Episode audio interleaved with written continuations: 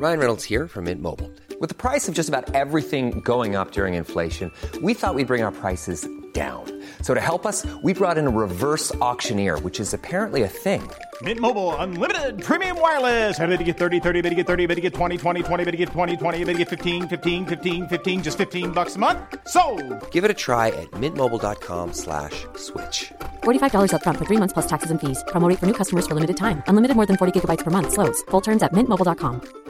Hey, it's Ryan Reynolds, and I'm here with Keith, co-star of my upcoming film, If, only in theaters May 17th. Do you want to tell people the big news? All right, I'll do it. Sign up now and you'll get unlimited for $15 a month in six months of Paramount Plus Essential Plan on us. Mintmobile.com slash switch. Upfront payment of $45 equivalent to $15 per month. Unlimited over 40 gigabytes per month. Face lower speeds. Videos at 480p. Active Mint customers by 531.24 get six months of Paramount Plus Essential Plan. Auto renews after six months. Offer ends May 31st, 2024. Separate Paramount Plus registration required. Terms and conditions apply if rated PG. I'm Sandra, and I'm just the professional your small business was looking for. But you didn't hire me because you didn't use LinkedIn jobs. LinkedIn has professionals you can't find anywhere else, including those who aren't actively looking for a new job but might be open to the perfect role, like me. In a given month, over 70% of LinkedIn users don't visit other leading job sites. So if you're not looking on LinkedIn, you'll miss out on great candidates like Sandra. Start hiring professionals like a professional. Post your free job on linkedin.com/people slash people today.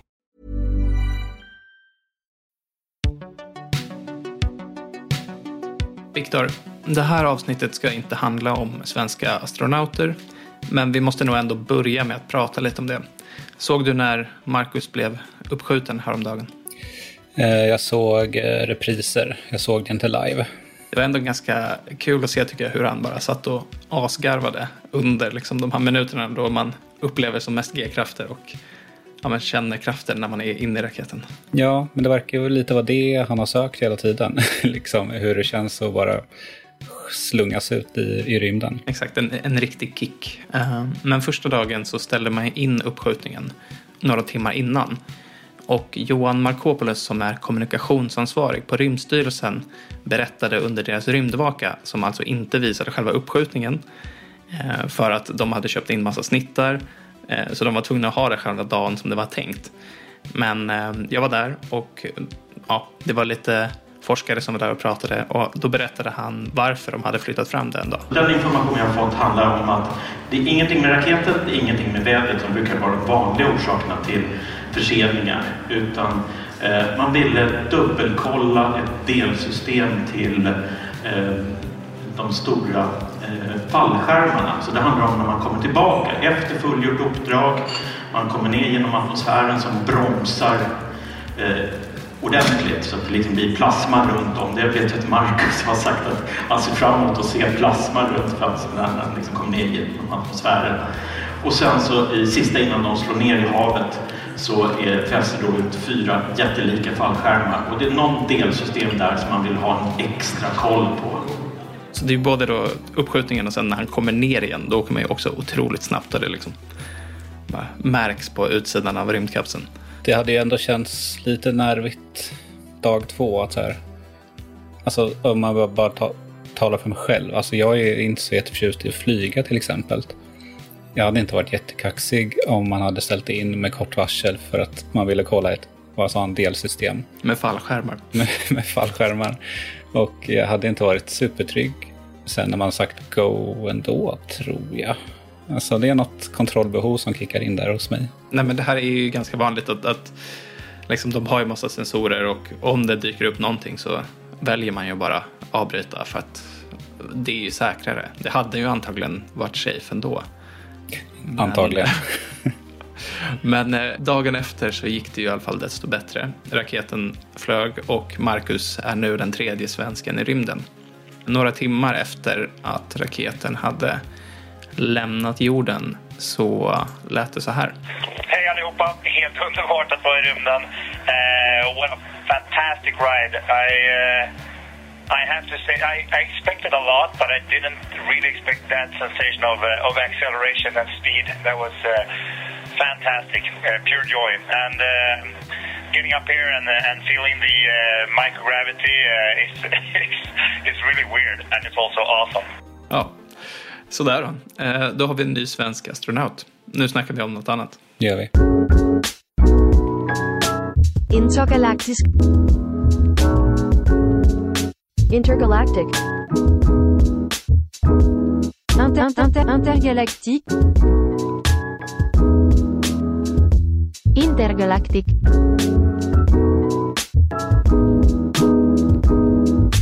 Hej och välkomna till Intergalaktiskt. En podcast som görs av mig, Bill Borå, och dig, Viktor Krylmark, på Ny Teknik.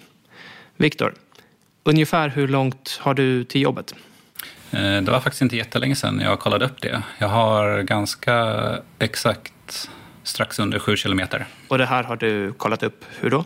Eh, Google Maps. Okej, alltså du, du gick inte med ett sånt här ja, men, gammalt eh, hjul som man hade i grundskolan som lät tick, tick för varje meter. Nej, det, det hade varit en utmaning, men jag gillade verkligen de hjulen. Varmt minne från grundskolan. Ja, jag förstod aldrig riktigt varför man använde dem dock. Om det var på idrotten eller... Alltså, jag, jag gick i Montessori, så det var ju, det var ju min matte. alltså, det var ju lek. Ja. Men jag minns, jag minns att man skulle mäta typ fotbollsplanen till exempel. Eh, Det var väl också för att på något sätt sätta i relation hur långt 50 meter är. Mhm. Men det, det är ju ett vanligt sätt att vara säker på ett avstånd, att helt enkelt mäta det. Vi har linjaler, måttband eh, och så vidare för kortare saker. Och sen har vi ju andra system för, för längre avstånd. Vi kan använda satelliter och ja, men de GPS-system som vi har. Eh, Minns du hur man mäter avståndet till månen? Ja, absolut. Vi har ju placerat eh, speglar på månen och skjuter laser på dem. Exakt. Det är sådana här retroreflektorer som en lyssnare berättade för oss. Överlag då, hur mäter vi andra avstånd i rymden? Till de närmsta stjärnorna och till andra galaxer. Det och en del annan rymdforskning ska vi prata om idag.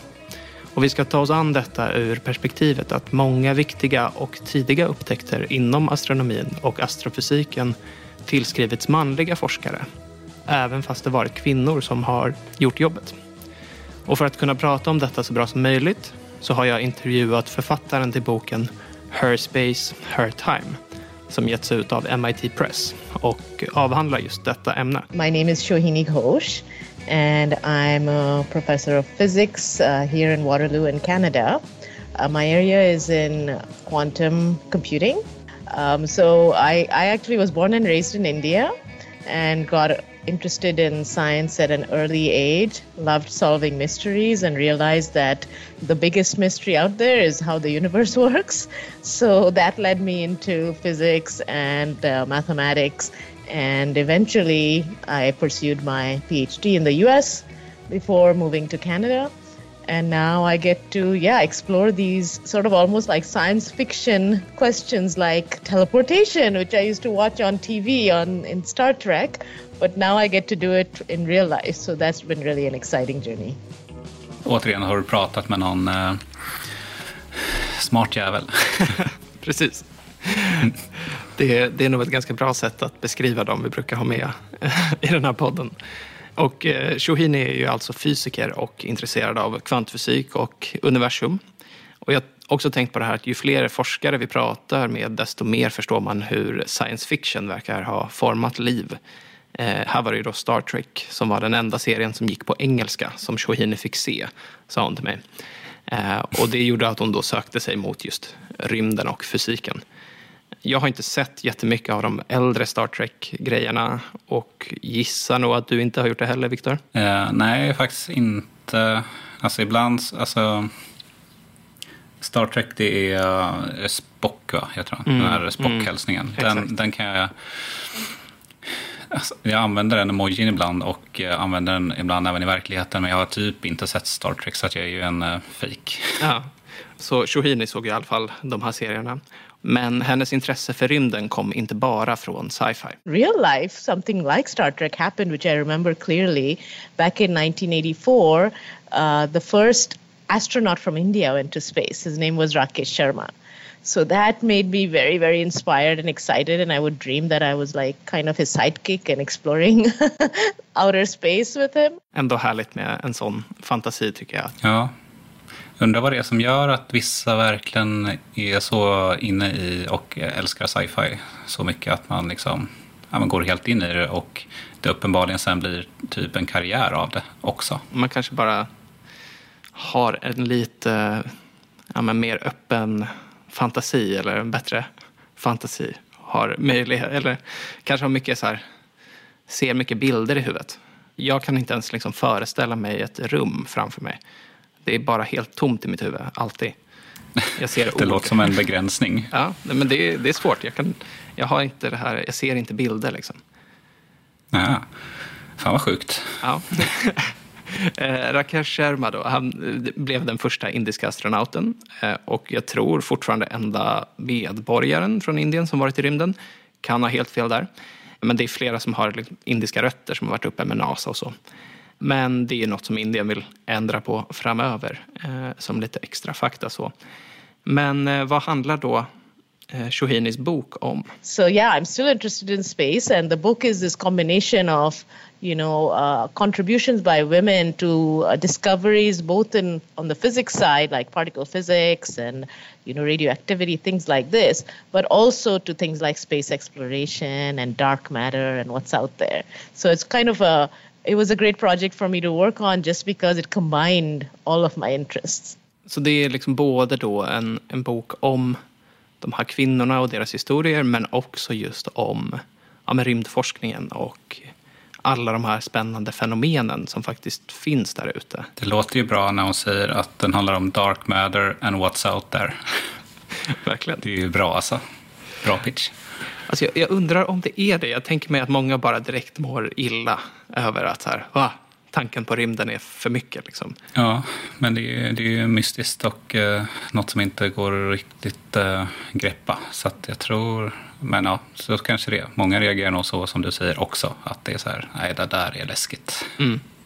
Men, eh, men den här boken har ju då lite som mål att eh, ta fram historier i ljuset som hon själv inte fick höra när hon studerade. Sånt som hade kunnat liksom vara inspirationskällor. in my personal career, it's been something that I have personally experienced in terms of being often the only woman in physics classrooms and wondering, you know, why that is the case, feeling like whether I belonged or not.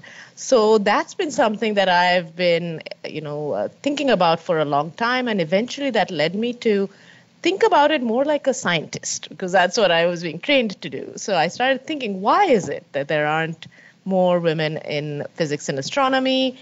Um, and what are their fa- what are the factors? What's the evidence? So I started thinking about you know observations and data, kind of like what we do in physics and astronomy, and that led me to dig into the research and understand whether or not there are actual differences of, of experiences that women have, for example, in classrooms and in their in the roles and identities we have. And that led me to realize that actually there have been lots of women who contributed because I started digging into these things in a more uh, sort of structured way and realized that it, I'm, I'm not, of course, the, not the first person to be interested in physics and astronomy, and I won't be the last. And that's when every time I started thinking about different physics topics, I would go and check and try to figure out whether, you know, what we learn in our textbooks is the full story or not. And that's how I started finding a lot of these stories out. Jag eh, läste ju teknisk fysik på KTH och då var det kanske 90 procent killar i min klass. Och jag tror att det var den linje på KTH som hade störst andel killar just när jag läste. Hur var det när du pluggade journalistik? Jag vet inte, typ hälften, hälften. Det är väl så att just de här tekniska ämnena och ingenjörsämnen så är ju väldigt mansdominerade i, i många fall. Och ja, men som hon berättar så kanske det är lite det. Bristen på kända namn och förebilder som, som gör Mm. att det är svårt att söka sig till ett fält. Ja, men absolut, det kan nog eh, absolut påverka. Det tror jag. Så pratar man ju om det, det känns som att jag alltid drar sportreferenser när jag ska säga någonting. Men det känns som att det är så, typ så här, eh, fotbollsspelare pratar, alltså kvinnliga fotbollsspelare. Att eh, nu för tiden så är ju även kvinnor fotbollsproffs. Liksom. Nu finns det förebilder för tjejer. Det fanns det ju inte typ när jag var liten. Nej. Alltså då var det ju bara ma- manliga fotbollsproffs. Så Jag tror absolut att det ligger något i det. Mm. Och i de här fälten så har det ju funnits kvinnor. Det har kanske bara varit det att de här historierna inte har lyfts fram och presenterats utanför de vetenskapliga sammanhangen. Och Shohini berättar att hon tycker att de här ja, men, historierna om de här kvinnorna behöver berättas. Och då inte bara för att det, det är ja, rättvist att även lyfta fram de kvinnliga forskarna utan just för att kunna inspirera eh, kommande generationer. Och allt det här började för henne med ett TED-talk som hon hade för några år sedan på det här temat. Och sen har det då mynnat ut i den här boken.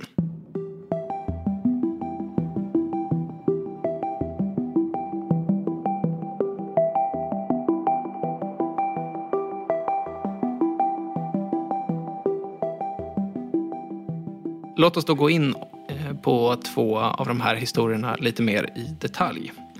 Den första personen jag vill prata om är Cecilia Payne. Eh, senare när hon gifte sig hette hon också eh, Gaposchkin Payne. She is special to me because she actually uh, did her PhD at the Harvard Observatory back in the early 1900s, and she was actually the first woman to, uh, you know, pursue the a PhD there. And she was looking at you know the composition of stars. So she looked at the sun. At the time harvard was the place where there was this huge catalog of uh, you know star spectra. Den här katalogen är alltså då en samling av stjärnspektrum som togs eh, fram av kvinnor som inte ansågs vara astronomer. Ehm, de gjorde då inte själva observationerna med teleskopen utan bara analysen och katalogiserade de här. Och de var det som kallades mänskliga räknare eh, och sågs som, någon sorts typ, glorifierad sekreterare. Ehm, och då kunde Harvard betala ut lite mindre i lön och man fick då inte den här eftertraktade titeln. Ehm, men många från de här grupperna har ju spelat en jättestor roll inom astronomin och olika kategoriseringssystem togs fram utifrån deras arbete.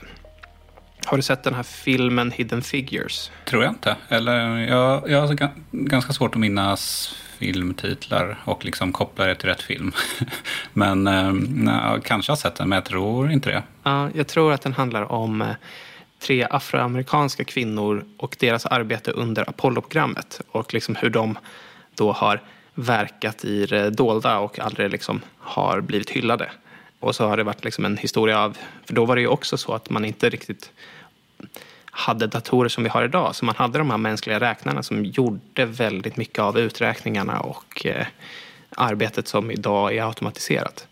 Och då är det deras historia. Och det är lite liknande känsla i den här boken, att man lyfter fram många som tidigare då inte har hyllats. Och en av de här som använde den här jättestora katalogen då som hade tagits fram på Harvard det var då Cecilia Payne under 20-talet. So when Cecilia Payne got to Harvard, she actually did something new. She knew about the theory of quantum physics. At the time, it was a very new, fresh theory. And she said, Well, I want to apply the mathematics of that to try to calculate what these stars really are made up of. So she took the spectra, applied quantum theory, which most people were so super confused by. So I think it's already incredible that she could apply this to a real world problem and realize that, for example, the sun was mostly just hydrogen and helium, which was quite surprising to people at the time because you know we it was part of um, this uh, the solar system. The Earth was part of the solar system. We knew a lot about the Earth back then, and everybody thought, well, how could the sun be so different from the Earth? So ja, men för hundra år sedan, lite ja, dryga hundra år sedan, så trodde man att solen bestod av järn. Ja, intressant. Vad består den av då? Det är ju väte och helium mest. Ja, så det är det. Eh, de lättaste då, eh, grundämnena. Eh, och egentligen är det inte så konstigt som Shohini själv sa här, att man tänkte att det var järn. För att om jorden och solen och planeterna bildas samtidigt, och vi vet att jorden är mycket järn, varför skulle inte solen vara det? Så det var liksom... brinner kanske? Ja, men alltså, man visste väl inte så mycket om det heller just. Eh, varför den brinner och så. De tänkte att det var en stor järnkamin på himlen. De var nice, den håller oss varma. Ja. Men så, alltså, man har ju haft jättemycket teorier. Det började väl med att man tänkte att det var en gud och sådär. Eh, och inget är väl dummare än, än något annat. Man vet ju inte först man vet eh, på något sätt. Nej. Eh, men hon eh, ja, använde ju då olika kvantteorier och kunde komma fram till att nej, men det här stämmer inte alls, utan det är ju då ja, men, väte, helium. Um, och det här publicerade hon. Men det var ju en så stark bild av att det här absolut inte kunde stämma. Så hon la till i slutet på sin avhandling, tror jag att det var, att hennes resultat var almost certainly not real. Men eh, senare bekräftades också hennes resultat av eh, astronomen Henry Norris Russell eh, som tidigare hade varit väldigt skeptisk. Och då fick han äran för den här upptäckten väldigt länge. Och det rättades sen till, men ja, det var väl det som blev det här klassiska då, att en, en något kändare manlig astronom kommer, gör samma sak. Precis. Det påminner om den här boken jag läste nyligen, Lektioner i kemi, heter den va? Har du läst den? Nej, jag gillar inte kemi. Nej. det handlar om en, ja, men hon forskar i kemi, men det är typ samma tid i, i uh, historien. Alltså, det var ju knappt att uh, kvinnor fick forska. Mm. Alltså de fick mm. vara forskningsassistenter, men inte forskare. Och, ja, men det är typ det du nyss beskrev. Jag fick, mm. såna, jag fick bilder ifrån den boken. ja. eller, och serien, då. det finns en serie också. Är den baserad på typ Marie Curie eller någon? Nej, jag tror det är uh, fiktion. Ja. Eller det är fiktion.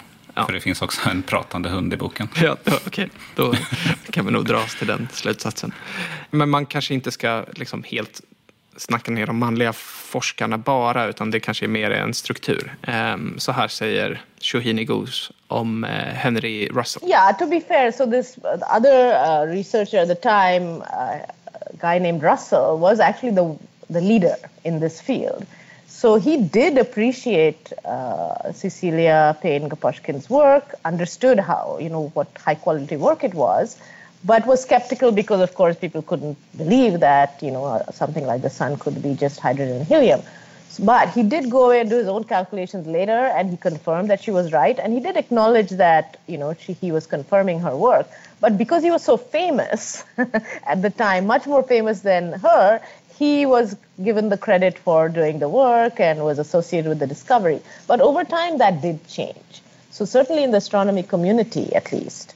Så det jag tolkar det lite som är att då inom fältet så, så kan det ändå vara så att kvinnorna har en viss roll och accepteras. Men att det snarare är då den breda allmänheten som oftare de här männen har lyfts fram. För att de kanske haft ett namn redan och att det har varit enklare att pusha en sån nyhet ut i offentligheten. Och det är ju självklart jättetråkigt att det har varit så och säkert till viss del är så idag. Ja, men det är väl ganska exakt så idag. Alltså, det är lättare att nå ut med innehåll när man är, har en plattform eller om man ja, är känd helt enkelt mm. inom sitt fält eller vad som helst. Ja, verkligen. Um, Cecilia då, hon fortsatte undervisa väldigt länge på Harvard och fick inte alltid den cred hon förtjänade. Uh, men sen till slut så blev hon den första kvinna att få en professur vid Harvard 1956. Mäktigt. Eller hur? Och för Shohini så är just det här, alltså att veta vad stjärnor består av, både solen och de andra miljarderna av stjärnor där ute, en otroligt stor upptäckt. It's such a stunning, stunning moment of history to, you know, not only that uh, it shifted our thinking, kind of like how we look back and think about how, oh, the earth was the center of the solar system. That was a big shift in thinking. This was, in a, to, in, to me, it felt like that kind of shift, as in you suddenly understand everything about every star in the entire universe. Imagine that proves the power of how humans can build these universal theories. So there's this bigger aspect to the discovery that I think is so incredible that I it really shocked me that it really is not something much more publicly celebrated to, to stay on the topic of stars, then I thought we could yeah. talk a bit about how to measure distance in the universe. Oh yeah. so uh, um, yeah, I, I guess that you understand who I'm going to ask about. Yes, so. of course. oh, yeah, so you know that's actually also one of these basic basic things that you know. It's not that you and I think about it a lot, perhaps, or the average person will be like, "Oh, I wonder how far away that star is," right? And if you did think about it, it's actually really, really hard because you know everything is just black at night and you know you look up and there's a few lights and imagine standing there and thinking okay i'm going to try to use some measure to figure out how far that the star is. It's a really really difficult problem because on earth the way we usually measure things is you know you we have an experience of course we can tell by looking at how big or small something looks or you can actually travel somewhere and back and figure out how long you took and how fast you were moving those are things you can do. You can't do that when you look at stars. You can't just travel there and back or say, oh, I'll eyeball it and see how big it is. So that's why it's such a challenging problem. And uh, this was a this actually limited what we could even know about the universe because turns out if you can't tell how far things are, you can't tell what's the scale of the universe. You don't know much about what happens in terms of um, movement and motion and these kinds of, and there are many, many other things that you need distances for. So uh, this other woman who also happened to be working at Harvard Observatory, roughly at the time of Cecilia Payne Gaposchkin and the other computers, her name was Henrietta Leavitt. Alltså, dags för dagens andra porträtt och att koppla tillbaka till, eh, till inledningen. Eh, nu ska vi prata om Henrietta Leavitt, eller Henrietta Swan Leavitt. Och som Shohini säger här, avstånd i rymden är kluriga. Vad känner du själv, Viktor, om du bara skulle gissa avståndet till en stjärna? Tror du att du hade kunnat sätta det? Ja. Nej, alltså jag vet inte ens om jag skulle, om vi pratar kilometer, jag, vet, jag, jag skulle antagligen gå, kunna gå fel miljoner. Jag vet, inte, jag vet inte ens om det är så här en miljard kilometer till en stjärna eller om det är 10 000 kilometer. Eller, nej, det kan det inte vara. men, eh, eller om det är miljoner kilometer. Nej, men det, är, det är svårt. Alltså, på jorden har vi en tydlig känsla. Eh, eller så kan vi faktiskt mäta det. Och vi, vi kan ju bara inte göra det. För vi kan ju inte åka någonstans och åka tillbaka och liksom mäta hur snabbt åkte vi. Vilken hastighet hade vi? Hur lång tid tog det? Och räkna ut avståndet. För att det är så ofantligt stora avstånd. Ja, det är inte som att gå med ett hjul på en fotbollsplan. Nej, exakt. hade varit lite kul om man, om man kunde. Men ett sätt att uh, göra det här på, det är något som heter parallaxeffekten. Är det något du känner igen? ja, ifrån vårt CMS, men uh, jag antar att det är något annat. Just det. Nej, det har inget med publicering av uh, ny tekniks artiklar på, på nätet att göra. Um, men så här, tänk dig att du håller något framför dig och så blundar du med ena ögat och kollar på objektet. Och sen öppnar du det andra ögat. Alltså du, du stänger det, det ögat som var öppet och öppnar det som blundade. Och då kommer det se ut som att det du håller framför dig flyttar sig något. För att det är på olika avstånd då från vardera öga. Ja, och, det där är störigt. Det gör jag ibland. Alltså om man typ ligger på soffan och typ bara inte har något att göra så bara testar man lite. Mm. Och jag fattar inte varför det blir så. Men ja, du håller ju på att berätta varför. det, anledningen till att det flyttar sig är ju för att dina ögon är ju på olika platser. Mm. Eh, och hjärnan är väl inte så smart att den kan liksom slå samman eh, den platsen. Men med hjälp av hur mycket det flyttar på sig och sen avståndet mellan dina ögon så kan man få fram lite vinklar och då kan man beräkna avståndet till det här objektet. Och det är inte jättehjälpsamt om man tänker sig att oh, jag håller ett äpple på en meters avstånd, hur långt är det äpplet? För det kan vi ju mäta på andra sätt. Men det här går också att göra med vissa stjärnor. Okay. Om man mäter en stjärnas position på himlen när jorden är på ena sidan av solen och sen ett halvår efter så har jorden då rört sig väldigt långt till andra sidan av solen. Eftersom att vi konstant rör oss runt solen. Och ja. om man då kollar på samma stjärna så kan det se ut som att den då har flyttat sig på natthimlen. Och genom att vi vet hur långt vi har färdats och vi då kan få en vinkelskillnad på hur mycket då den här stjärnan har flyttat sig så kan vi räkna ut avståndet till den.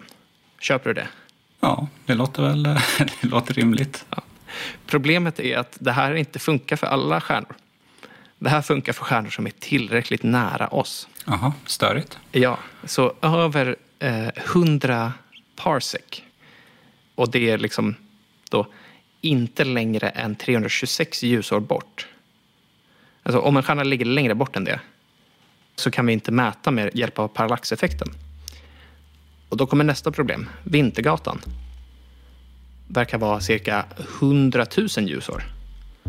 Så vi kan inte ens liksom mäta avståndet till stjärnorna längst bort i Vintergatan. Och då kan vi inte mäta avståndet till andra galaxer. Så hur gör vi det? Ja, det vill man ju veta. Och det är det som eh, Henrietta kom på. And she noticed these very interesting stars that actually change in brightness over time.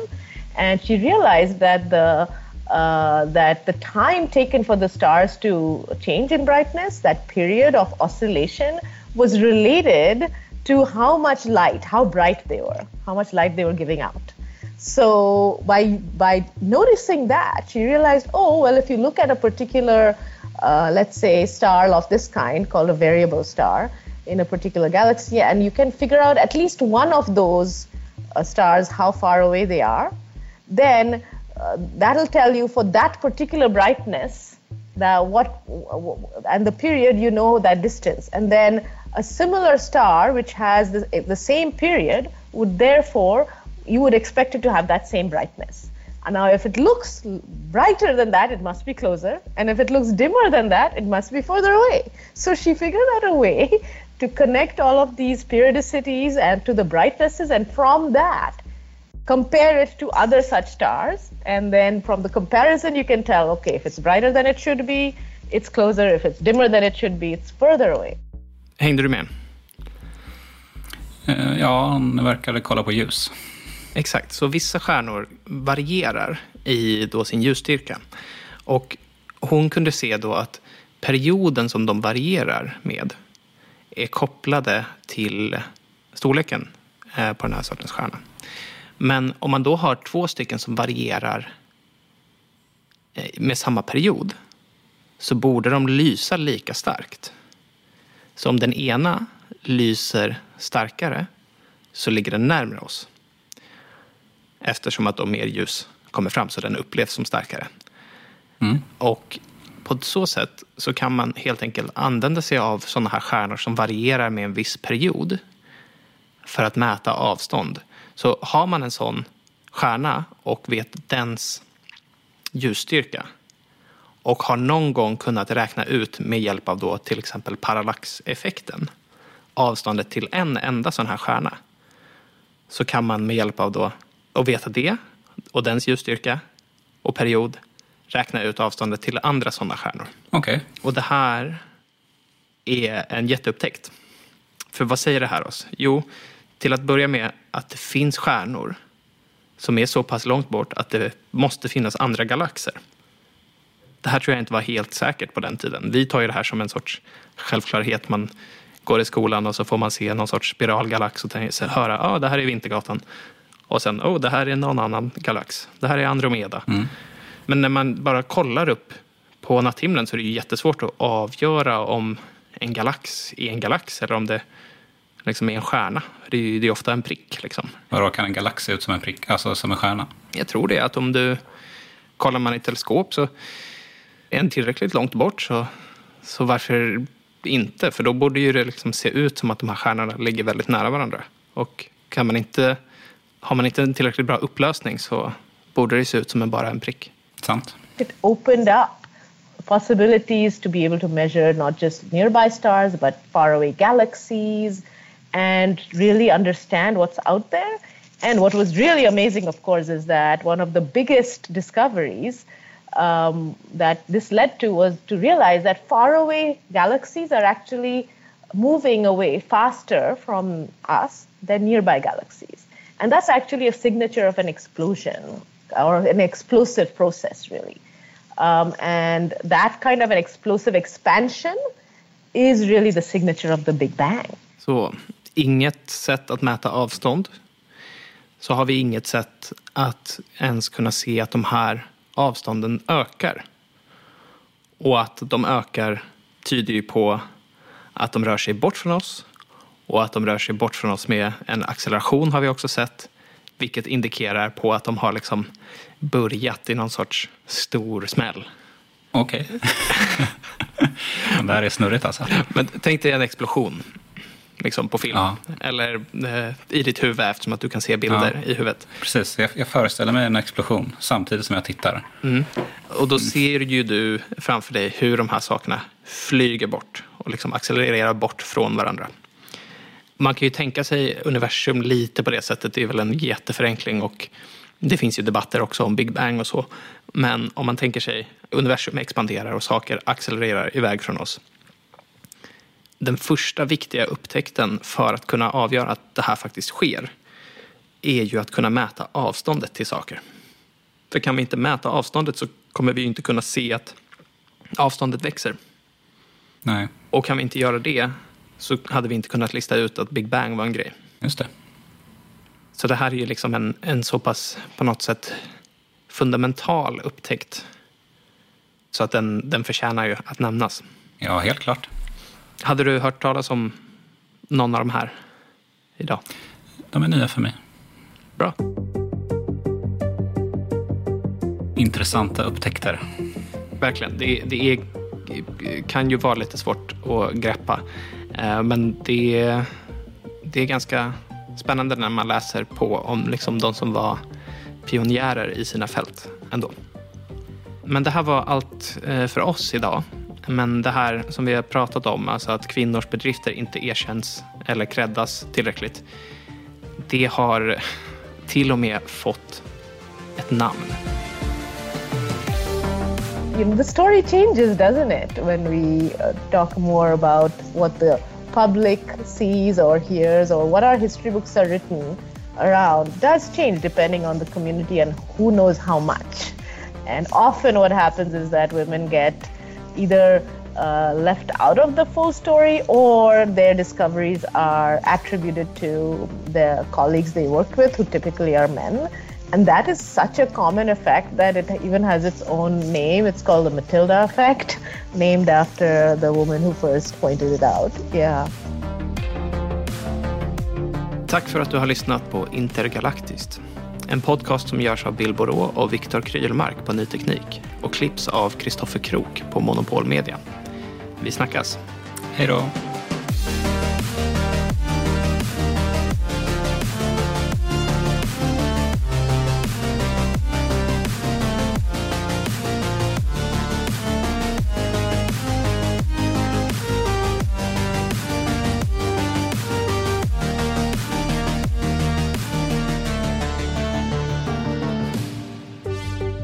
Apropå det du sa förut med eh, att du bara ser ord. Mm. Det låter ju helt galet. Om jag, om jag säger en röd bil på en asfalterad parkering. Ser du bara te- texten röd bil på asfalterad parkering? Men kanske Eller kan du faktiskt Fel se en röd bil? Det är nog fel att säga att jag ser ord, men jag ser inte en bil framför mig. Alltså om jag blundar och försöker se, alltså det är, det är bara liksom svart, eller svart och svart. Det är, det är liksom, jag ser ju då ljuset som kommer igenom mina ögonlock från att det ändå är ljust ute. Eh, men, men jag får inte upp en röd bil på en parkeringsplats. Jag förstår konceptet och jag hör mig själv tänka det. Och jag vet hur det är och jag kan liksom Ja, men, nej, jag, jag får liksom inte upp det som i typ en tecknad film eller ett foto eller så. Är det något som du får eller? Ja, ja absolut. Det trodde jag att alla, att alla kan liksom föreställa sig sådana grejer. Särskilt med en sån konkret eh, förklaring eller en eh, uppmålad bild. Jag kan ju minnas typ exakt hur någonting är placerat eller hur ett rum har sett ut och sådär och skulle kunna återberätta hur saker på en hylla har legat i mitt badrumsrum eller något. Men jag ser det ju inte framför mig. Det är snarare som att jag, jag minns det, men det är liksom det är ändå inte en bild i huvudet. Men alltså, jag kan ju se en eh, tecknad röd bil framför mig även om jag tittar. Jag måste inte blunda. Jag vet inte om det är du eller jag som är sjuk i huvudet här. Ja, nå- någon av oss. Intressant.